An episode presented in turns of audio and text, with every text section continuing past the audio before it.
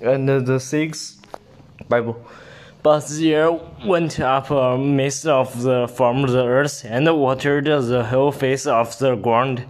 Seven. And the Lord God formed the man of the dust of the ground, and breathed into his nostrils the breath of the life, and the man became a living soul. Eight. And the Lord planted a garden eastward in the Eden, and there he put the man well one he had formed. Nine. And out of the ground made the Lord God to grow every tree that pleasant to the sight, and grow and good of the food, the tree of the life also in the midst of the garden, and the tree of the knowledge of the good and evil. 10. And the river went to out to the Eden to read uh, to water the garden, and from thence it was part and become into the four heads. Eleven the name of the first epistle that it it which compassed the whole land of the heaven, where this is good glad. Twelve and uh, the ground of that land is good. There's beauty, beauty, and then oxstone. Thirteen. And the name of the second river is Grow.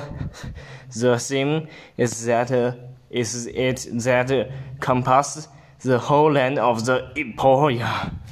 Fourth, and the name of the third river is uh, Hoti, that the, is which goes toward the east of the Shire, and the fourth river is Iphilis. 15. And the Lord God took the man and put him into the garden of the Eden to dress it and to keep it. 16. And the Lord God commanded the man, saying, Of, of every tree of the garden thou mayst freely eat. 17.